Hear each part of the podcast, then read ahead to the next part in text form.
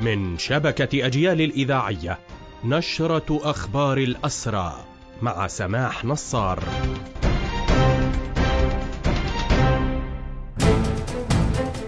أهلا ومرحبا بكم إلى هذا اللقاء. حملات الاعتقالات اليومية متواصلة. الحملة طالت حتى صباح اليوم الثلاثاء على الأقل 30 مواطنا من الضفة بما فيها القدس وبينهم أسرى سابقون.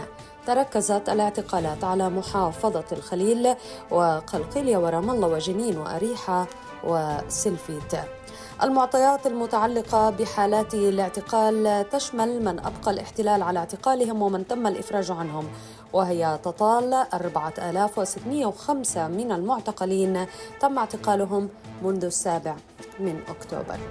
في أخبار هذه النشرة نواصل ونشير إلى حملات الاعتصامات التي ينفذها أهالي الأسرة في عدد من المحافظات. أسبوعيا في كل محافظة هناك وقفة. يوم الثلاثاء في رام الله والبيرة عند الساعة الحادية عشرة. وكذلك تشهد طول كرم ونابلس وقفات داعمة للحركة الأسيرة. المعتقل الصحفي الجريح معاذ عمارنة يعاني ظروفا صحية صعبة في سجن مجده. الاحتلال يواصل استهداف الصحفيين الفلسطينيين.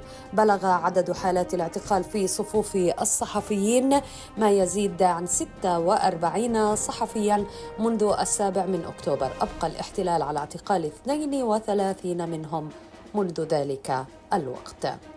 في ضوء معطيات أشارت إليها صحيفة هآرتس العبرية عن استشهاد معتقلين من غزة في معسكر سيدي تيمان فإن هيئة شؤون الأسرى ونادي الأسير تواصل توجيه النداءات العاجلة للمؤسسات الدولية للكشف عن مصير معتقلي غزة بشكل خاص ووقف جريمة الإخفاء القسري التي يمارسها الاحتلال بحقهم.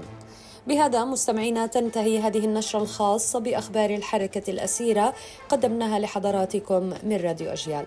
تحية الحرية لأسر الحرية وتحياتي سمح نصار والمجد والخلود لشهدائنا الأبرار.